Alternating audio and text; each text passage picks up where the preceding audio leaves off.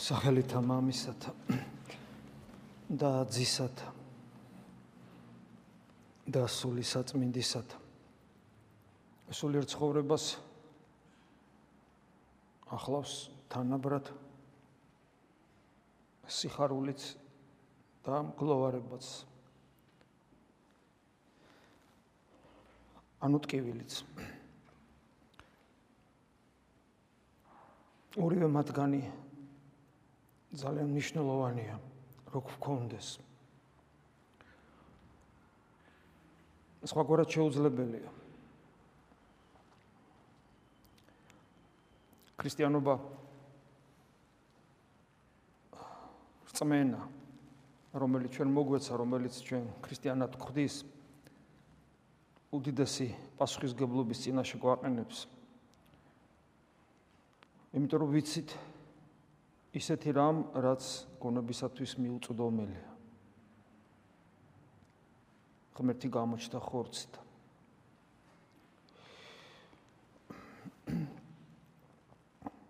ზოგადად ხშირად გვისაუბრია ჩვენ ამაზე, რომ რელიგიური განცდები ადამიანისათვის უაღრესად მნიშვნელოვანია და აა როგორც წესი უდიდესი უმრავლესობა ადამიანისა სწორედ ასე ცხოვრობს, ვერ წარმოუდგენია სხვანაირად. მაგრამ ანუ ღმერთის არსებობა ის რო ჯერა და რაღაც რაღაცა ძალის არსებობის მაინც რომ ჯერა. მაგრამ ეს საკმარისი რომ არ არის ამაზე ჩვენ ხშირად ვსაუბრობთ. თითქოს ლოგიკა ასეთი არის რომ თუ ადამიანს წამს რომ ღმერთი არის და მით უმეტეს თუ მას პრაქტიკაც აქვს. მით უმეტეს თუ ის ჭეშმარიტ სარწმუნოებას ფლობს და შესაბამისი პრაქტიკა აქვს, მაშინ რაღა პრობლემა უნდა იყოს. მაგრამ ამაზე ჩვენ ხშირად ვსაუბრობთ, რომ მიზეზი ცდომილებისა, რომელიც ჩვენ სულიერ ცხოვრებაში არსებობს, არის ის თვისება, რომელიც ჩვენს პირველ მშობელთაგან მივიღეთ მემკვიდრეობით, როდესაც ჩვენ აა გააღმრთობა გვინდა სხვადასხვა ეს ტერმინი შეიძლება ადამიანმა არც იცოდეს. და ზოგიერთ რელიგიაში და უმრავლეს რელიგიებში ესეთი ტერმინი არც არსებობს, როგორც ასეთი. ქრისტიანობაში ეს ერთ-ერთი უძირეთადესი მ საფრთხისმეტყველო ცოდნა რომ უნდა განვიღმრთოთ. მაგრამ რომც არ იყოს ასე, ადამიანს ინტუიციურად ეს აქვს, რომ რაღაცა უნდა იყოს ისეთი, რომელიც მას მუდამ მარადიულად და ბედნიერად ამყოფებს. ეს რელიგიურ გზნობას მუდამ ახლავს, დაცულობის განცდა უნდა კონდეს მას. ოღონ ამისათვის მას რაღაც უნდა გააკეთოს და პრობლემა სწორედ აქ ჩდება. როდესაც ადამიანი ფიქრობს, რომ რაღაც უნდა გააკეთოს და ეს რაღაც ხშირ შემთხვევაში ძალიან უმნიშვნელო რამ არის. უმნიშვნელო, რომელიც ჩვენთვის ადვილია საკეთებლად და სატვირთველად. ნუ თავიდან რაღაც მიჩვევა უნდა და მეરે მორჩა. ეს იმიტომ ხდება, რომ ჩვენ ვერ ვიგებთ რა დიაპაზონში უნდა განვითარდეს ადამიანი. რა დიაპაზონში. წმინდა მომები ამის შესახებ ძალიან ბევრს საუბრობენ, მაგალითად წმინდა გრიგოლ ღვთისმეტყველი ამბობს, რომ ღმერთი ადამიანად იმიტომ მოვიდა ზემოდან ქვემოთ, რომ ჩვენ ავმაღლდეთ. მონის ხატი იმიტომ მიიღო, რომ ჩვენ თავისუფლები გავხდეთ. ანუ ჩვენ არა ვართ თავისუფლები. ჩვენი თავისუფლება რა თავისუფლებაა? ეს ჩვენი თავისუფლება იგივე თავისუფლებაა, რაც ცხოველს აქვს. აი მაგალითად ცუდი შედარებაა შეიძლება, მაგრამ აი ხორს რომ კითხო, რომ ნუ ეს იგავური სახეა რა თქმა უნდა, მაგრამ აი ხორს ლაპარაკის საშუალება მისცე ცოტა ხანი. რომელიც არ არის დაბმული, არ არის დამწყდეული. არის გაშვებული ისეთ ადგილას, სადაც ბევრი რკო მოიპოვება. და კითხო რომ, აბა მითხარი, როგორ ახარ? თავისუფალი თუ ხარ შენ მითხარი. ეს გეტყვის, აბა რა, ნახე რა, ირბინე, იკონტროლშე და რამდენი რკოც გინდა, იმდენი ჭამე. მაგრამ ჩვენ ხო ხვდებით რომ გაგვიღიმება რა თავისუფლებაზეა საუბარი ღორის თავისუფლება რომელიც შემოსაზღვრულია რითი საჭმელი მოვძებნე და შევჭამე მოძებნე და შევჭამე, მორჩა. ეს თავისუფლებაა. ისე შემოსაზღვრულია იმ მოცემულობით, რომელიც მის ცხოველურ ბუნებას ახასიათებს. იმის იქით ის ვერ გადის. ეს იგავური სახე რო განვავრცოთ ადამიანზე და ადამიანის სრულები და მოთხოვნილებები რომ ძალიან ძალიან ბევრად გავზარდოთ. და რაოდენობრივი მაჩვენებლის თვალსაზრისით თუნდაც უსასრულოდ გავზარდოთ. ცხოველთან შედარებით თვისობრივად არაფერიც არ შეიცვლება. ადამიანის თავისუფლება შემოსაზღვრული იქნება იმ მოთხოვნილებებით რომელიც მას როგორც მომხმარებელ არსებას გააჩნია. მომხმარებელს რომ მან ისიამოვნოს. ყვება იქნება ეს თუ გნებავთ რაიმე მაღალი ხელოვნება. არა აქვს მნიშვნელობა. ან ინტელექტუალური თქვათ განვითარება. რაღაცით მას მის მოთხოვნილებები თელი რაღაც კასკადია, ერთიანობა და მორჩა. ამის იქით ის ვერ გადის და აღარც იყურება. ოდესაც ჩვენ საუბრობთ თავისუფლებაზე, ჩვენ არ ვცნობთ არანაირ საზღვარს. არანაირ ჩარჩოს. მithumetes ისეც, რომელიც მიწიერი მოთხოვნილებების ამ თლიან კასკადში მოიაზრება და ჯდება. თავისუფლება გონება მიუწვდომელი მდგომარეობა ადამიანისა. თავისუფლება ვერ გუობს ვერც დროს, ვერც სივრცეს, იმიტომ რომ სივრცეც გზღუდავს, დროც გზღუდავს. აბა რომელ თავისუფლებაზეა ლაპარაკი, როცა დროს უკან ვერ შემოაბრუნებ. როცა ვერ გააჩერებ. სივრცე, რა თქმა უნდა, გზღუდავს, აქ ხარ, იქ ვერ ახარ. თვით ჩვენი არსებობაც ეს საკმაოდ სერიოზული ფილოსოფიური საკითხი ამაზე ბერჯოლობენ ხოლმე. თვით არსებობაც ისე ისეთი არსებობა, როცა მე არც კითხეს ისე მომავლინეს, ესეც თავისუფლების გარკვეული შეზღუდვაა. და ასე შემდეგ. ანუ ამ სამყაროში თავისუფლება არ არსებობს. ყველაფერი დეტერმინირებულია. ყველაფერი შეზღუდულია.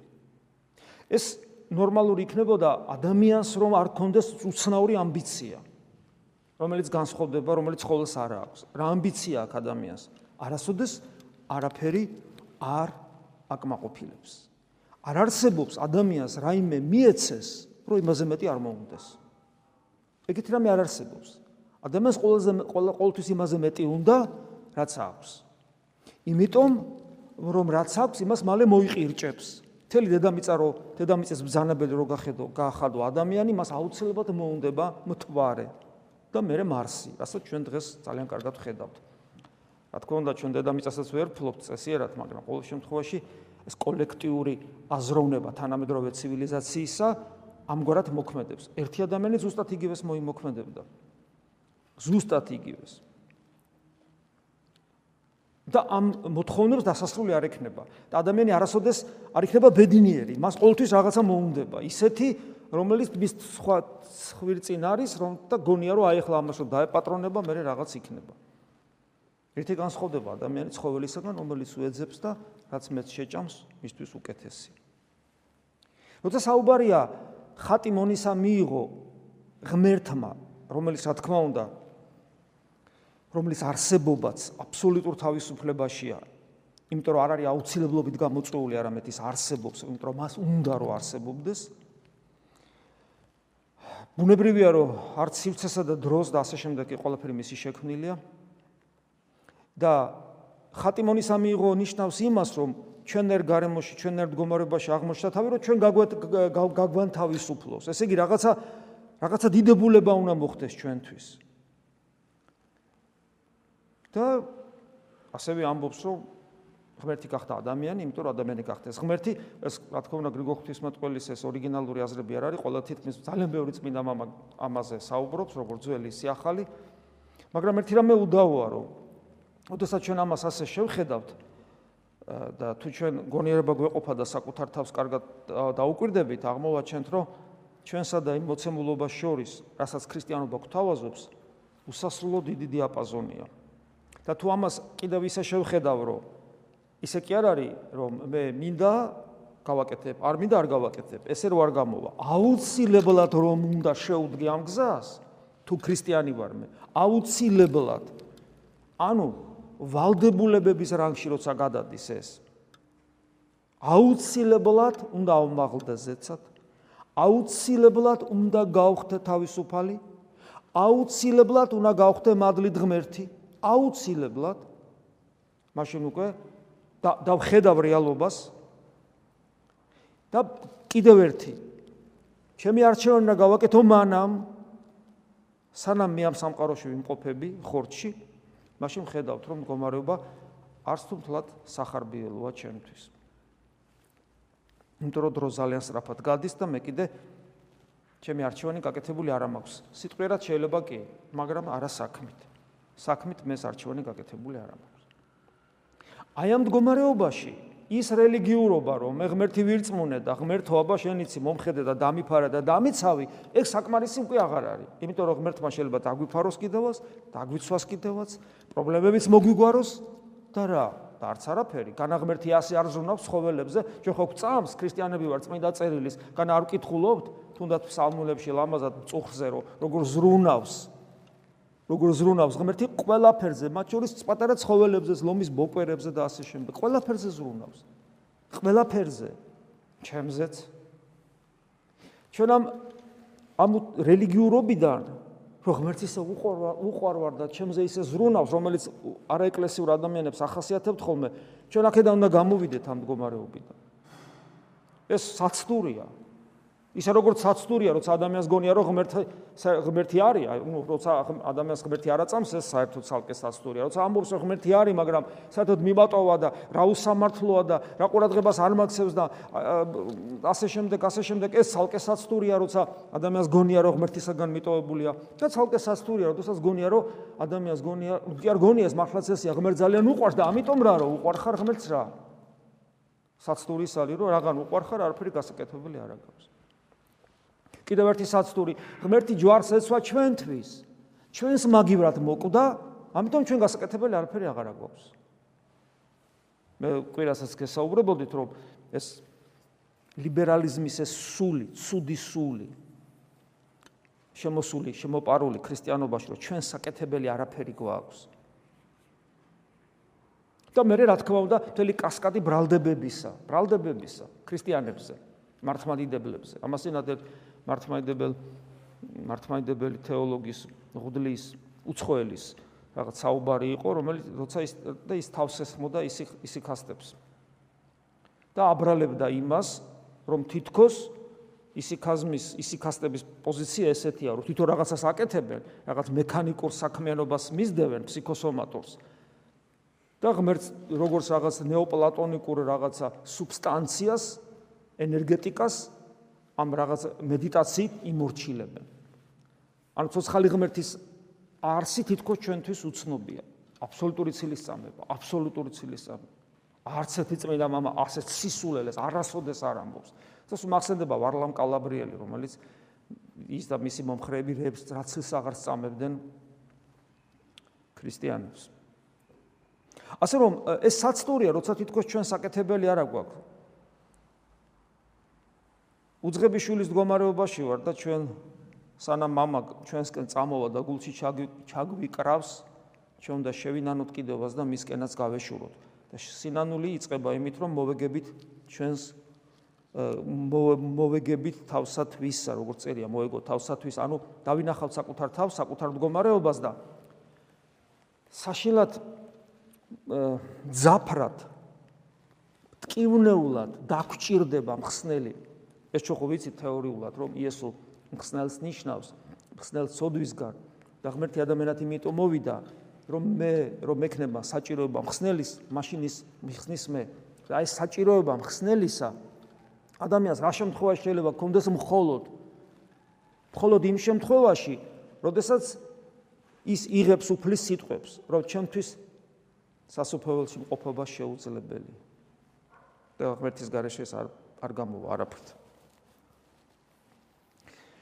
როდესაც აი ამ ქრისტიანულ სწავლებებს ადამიანი უგულებელს ყოფს, მაგრამ მაინც ინტენსიურად იდეურად თითქოს და რა ვიცი, დაჟინებით უბრალოდ ქრისტიანობაში, ქრისტიანულ წიაღში ყოფნა უნდა, ის იქმნის კომფორტულ ქრისტიანობას. კომფორტს. რელიგიურობა გარკვეულ დაცულობის განცდას ხო გვაძლევს? გვაძლევს, როგორ არ გვაძლევს? როგორ შეიძლება რომ ადამიანს წმენა კონდეს და დაცულობის განცდა არ კონდეს, ეს ერთ-ერთი თვისებაა რწმენისა. გახსოვთ პავლე მოციქული როგორ ამბობს რწმენა სასოება და სიყვარული. სასოება ნიშნავს იმედს, ანუ ღმერთზე მინდობას. ღვთისადმი მინდობა ეს არის აუცილებელი პირობა, რომ მე აქედან მე ღვთისადმი სიყვარულამდე ავიდეთ. ანუ ჩვენი წმენა განვითარდეს. ღვთისადმი მინდობა. ეს ეს მდგომარეობა ერთ-ერთი აუცილებელია. ანუ დაცლობის განცდა მორწმუნე რო ხარ, აუცილებლად გაქვს. თუმცა როგორც ყველაფერი მათ შორის წმენაც, სიყვარულიც, ასევე ეს დაცლობის განცდაც შეიძლება დამახინჯებული იყოს. რა თქმა უნდა, მაგრამ ეს აუცილებლად უნდა გქონდეს დაცლობის განცდა. ამის გარეშე არ არსებობს უბრალოდ ქრისტიანობა. ხო და წარმოიდგინეთ რელიგიურობა, რელიგიურობა გარკვეულ კომფორტს უქმნის ადამიანს. იმიტომ რომ ღმერთი რო ჩვენს გულს შეეხო და ჩვენ მოვედით თავიდან რა თქმა უნდა გარკვეული ღვაწლი გქონდა. იმიტომ რომ იქ მარხვა, ну, ხო ვამბობთ ეს ეს ჩვენ არ მარხულობთ, არ დაიჯეროთ ხალხო. ჩვენ უბრალოდ სცენარულ დიეტაზე ვჯდებით. ეს არ არის მარხვა, მაგრამ ну, ერის კაცნი ვართ და როგორც ვართ, ვართ. ყოველ შემთხვევაში ეკლესია ციწყნარებს ამას და ღმერთიც გვიწყნარებს, მაგრამ ну, ესეა.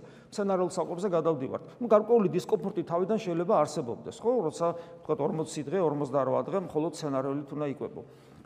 აა გარკვეული დისკომფორტი გვაქვს. რაღაც ტექსტები უნდა ვიკითხოთ, რომელიც არ გვესმის. აა უნდა 2 საათი კვირაში ერთხელ ვიდგეთ და ვეზიარებოდეთ და ასე შემდეგ. ნუ მოყვასთან ურთიერთობაში რაღაც ცვლილებები უნდა შევიტანოთ ჩემ ცხოვრებაში, იქ სადაც ყვიროდი, აღარ ვიყვირო, sadაც უწმატურ სიტყვას ვამბობდი, აღარ უნდა თქვა, სადაც არ პატიობდი, უნდა ვაპატიო და ასე შემდეგ და ასე შემდეგ. გარკვეული ცვლილებები შედის ჩაცმულობაში და ასე შემდეგ.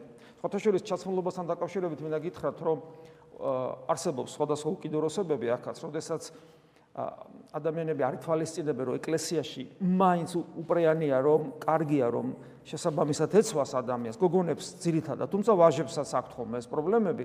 მე რა თუ ვიღაცას კითხვები გაგიჩნდებათ, ცალკე შეგიძლიათ მოხვიდე და მკითხოთ, აი რა რა რამე პრობლემა ხომ არ მაქვს მე, მაგრამ მე მიგიდიათ გითხრათ, რომ ვაჟებთანაც არის ეს პრობლემა ჩაცმულობასთან დაკავშირებით და გოგონებთანაც. თქვენ თუ იფიქრებთ, რომ თავარი სულიერებაა და ჩაცმულობას პრინციპული მნიშვნელობა არ აქვს, მაშინ მე ხვალე ჯინსებით გამოგეცხადებით აქ და როგორ მოგეწონება დაგინახავთ. გარკვეული დრეს კოდი ყველაფერს აქვს და ეკლესიასაც თავისა, მაგრამ თქვენ იცით რომ მე ამაში არ ვერევი, ამაზე არ საუბრობ.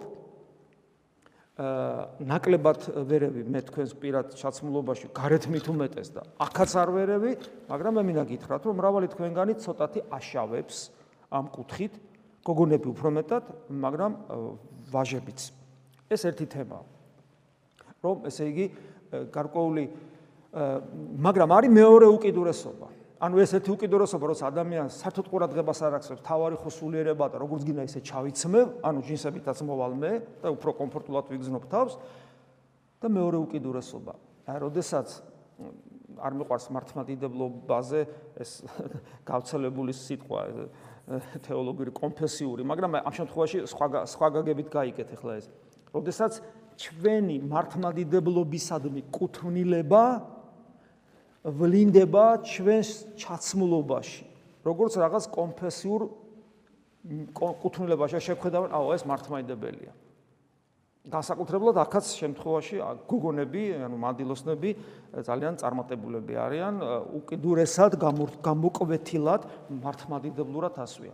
ზოგადად გარეგანი ფორმები, კიდევ ვიმეორებ, უგულობელს ყოფა ერთი უკიდურესობაა და მეორე უკიდურესობა, როდესაც მთელი ჩვენი ქრისტიანობა გარეგნულ ფორმებამ ფორმებამდე დაიყვანება და თავი მოგწონს იმით, რომ გარეგნულ ფორმებს კარგად და სწორად ვიცავთ. ჩვენ მონაზვნები არა ვართ, შესაბამისად, ესე გამოკვეთილად რაღაცა უნიფორმა, მოდი ესე ვთქვა, არ გვაქვს. არ გვაქვს. ყოველ შემთხვევაში თავი შეიძლება ადამიანმა მოიტყვილოს გარეგანი ფორმით. ეს კიდე ცალკე პრობლემაა. უამრავი პრობლემა არსებობს. მაგრამ ყოველ შემთხვევაში ადამიანი რაღაცა სულის თავის ცხოვრებაში თავიდან ცოტა დისკომფორტი აქვს. ადამიანი მე ეჩვევა ჩვევაში გადადის ეს თვისებები და თავიდან თუ რაღაცა ესეთი გრაფიკი იყო იმისა ღვაწლისა ღვაწლისა. მე ეს გათანაბრდება ჩვევაში გადადის და გაიშალა ესე იგი აი ეს მინდორი არანაირი ღვაწლი, არანაირი აღმართი, არანაირი ოღროჩოღრო და სრული, სრული კომფორტით აგზელებს ადამიანი რელიგიურ ცხოვრებას. მისთვის და აქვს სიხარულის განცდაც, მადლის განცდაც, ახალი მეგობრები, ასე შემდეგ, ბევრი ბევრი კაი რაღაცა მოაქვს ამას, რელიგიურობას როგორც ასეთი. მაგრამ კომფორტულ მდგომარეობაში იმყოფება. კომფორტული ქრისტიანობა არ არის ქრისტიანობა. აუცილებლად უნდა გამოვიდეთ ამ კომფორტის ზონიდან. აი როდესაც საუბრობთ ისიქაზმზე, გონიერ ლოცვაზე, საკუთარ თავში ჩაღმავებაზე, ეს ნიშნავს, რატომ ებრძვიან ადამიანები ამას? მიზეზი რა არის? იმიტომ რომ კომფორტის ზონიდან გამოსვლა არ უნდათ ადამიანებს. წესის შესრულება გარკვეული წესების უკვე აპრობირებულია და ჩვენი ბუნება მიჩვეულია. ეთიკური ნორმების დაცა ხვებს ახლა უმრავლესობა ისედაც არის რო და მანამდეც და ცოტათი კიდე უფრო მოწესრიგდა და რა პრობლემაა და პრინციპში კარგიც არის უფრო მშვიდად და გაწონასწორებულა და კარგად გამოვიყურები. მავნეჩვევებს თავი დავანებე და ესეც ჩემთვის სასარგებლო აღმოჩნდა ჯანმრთელობისათვის. ამიტომ ეთიკური ქრისტიანობა შვენიერია მისაღებია ჩემთვის და იქ კიდევ ვიმეორებ ადამიანი იქმნის კომფორტის ზონას თავის რელიგიურობით.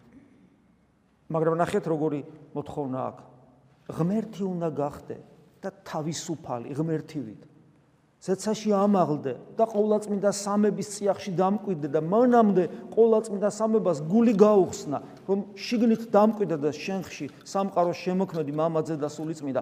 ეს ხო ჩვენ სახარებიდან ვიცი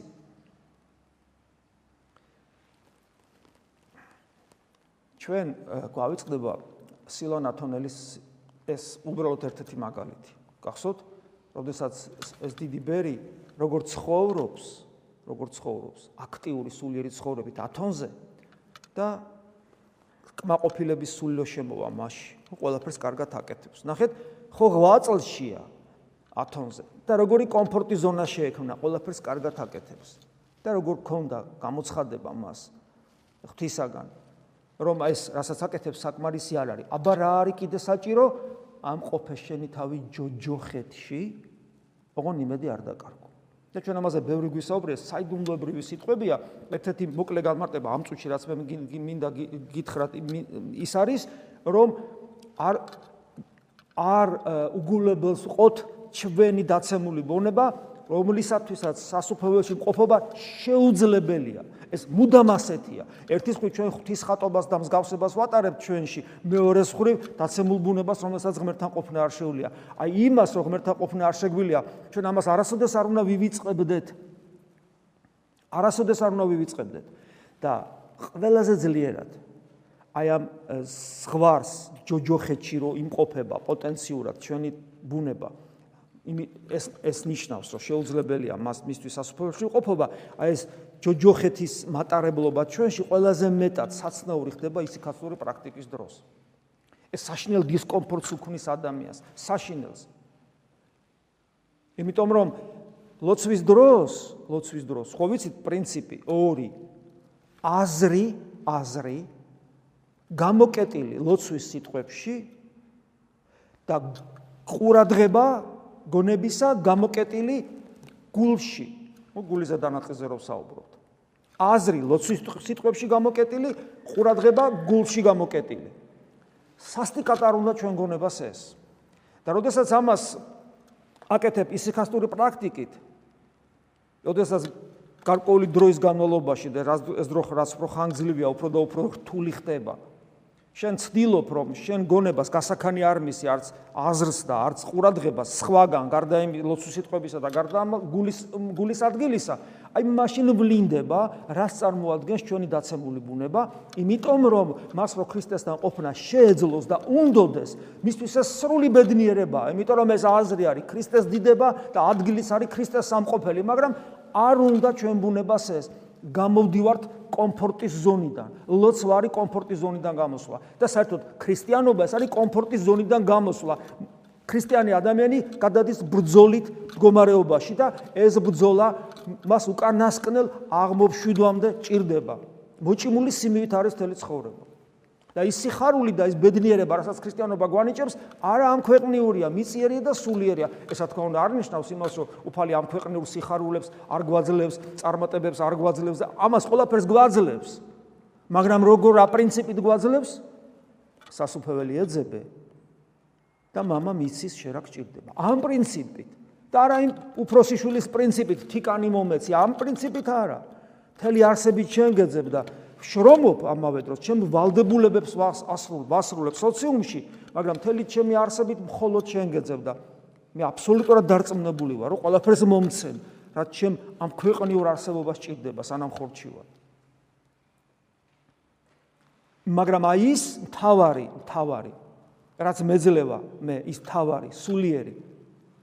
მეძლევა მხოლოდ იმ შემთხვევაში თუ მე კიდევ ვიმეორებ, არ ვიქმნი კომფორტის ზონას ჩემ სულიერ ცხოვრებაში. ამისათვის არსებობს ღვაწლი, ამიტომაც ამბობს უფალი, რომ ბოროტის სული განიდევნება ლოცვითა და მარხვით. ლოცვასაც და მარხვასაც გამოვყავართ კომფორტის ზონიდან და შევყავართ ბრძოლაში.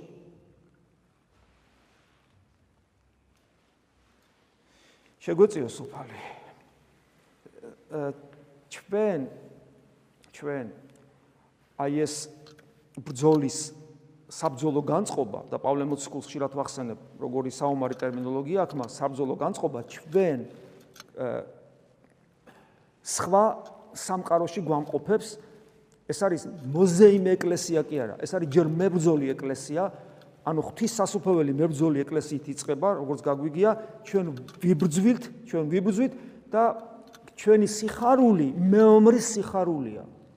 გამარჯვების ყიჟინას რო დასცემს, მაგრამ მანამდე მას დიდი ბრძოლა აქვს გასავლელი. და თუ ჩვენ ქრისტეს ერთგულნი ვართ, მაშინ ჩვენ სიხარულით ვატარებთ ქრისტეს წყლულებს და ამავე დროს ჩვენ ჩვენ ბედნიერება, ჩვენი ბედნიერება მდგომარეობს იმაში, რომ ჩვენ ქრისტეს როგორც კვდრეთით აღმდგარ, როგორც ახალ სიცოცხლესაც ვატარებთ, რომელიც ისეთ სიხარულს გვანიჭებს. რომელიც სხვაგან არსად არ მოიძებნება გარდა ქრისტეს ქრისტეს გარე ქრისტეს გარდა არსად არ მოიძებნება. ჩვენ ამას ვატარებთ. ეხლა აღდგომა იქნება მალე და ჩვენ ყველამ უნდა განვიცადოთ ის არამიწიერი ბედნიერება და სიხარული. მთელი სისავსი მთელი სისავსი. და მეომარი ღირსია გვირგვინის. მადლი უფლისა ჩვენისა იესო ქრისტეს და სიყვარული ღვთისა და მამისა და ზიარება სული საწმინდისა იყოს თქვენ ყოველთა თანა. ამინ.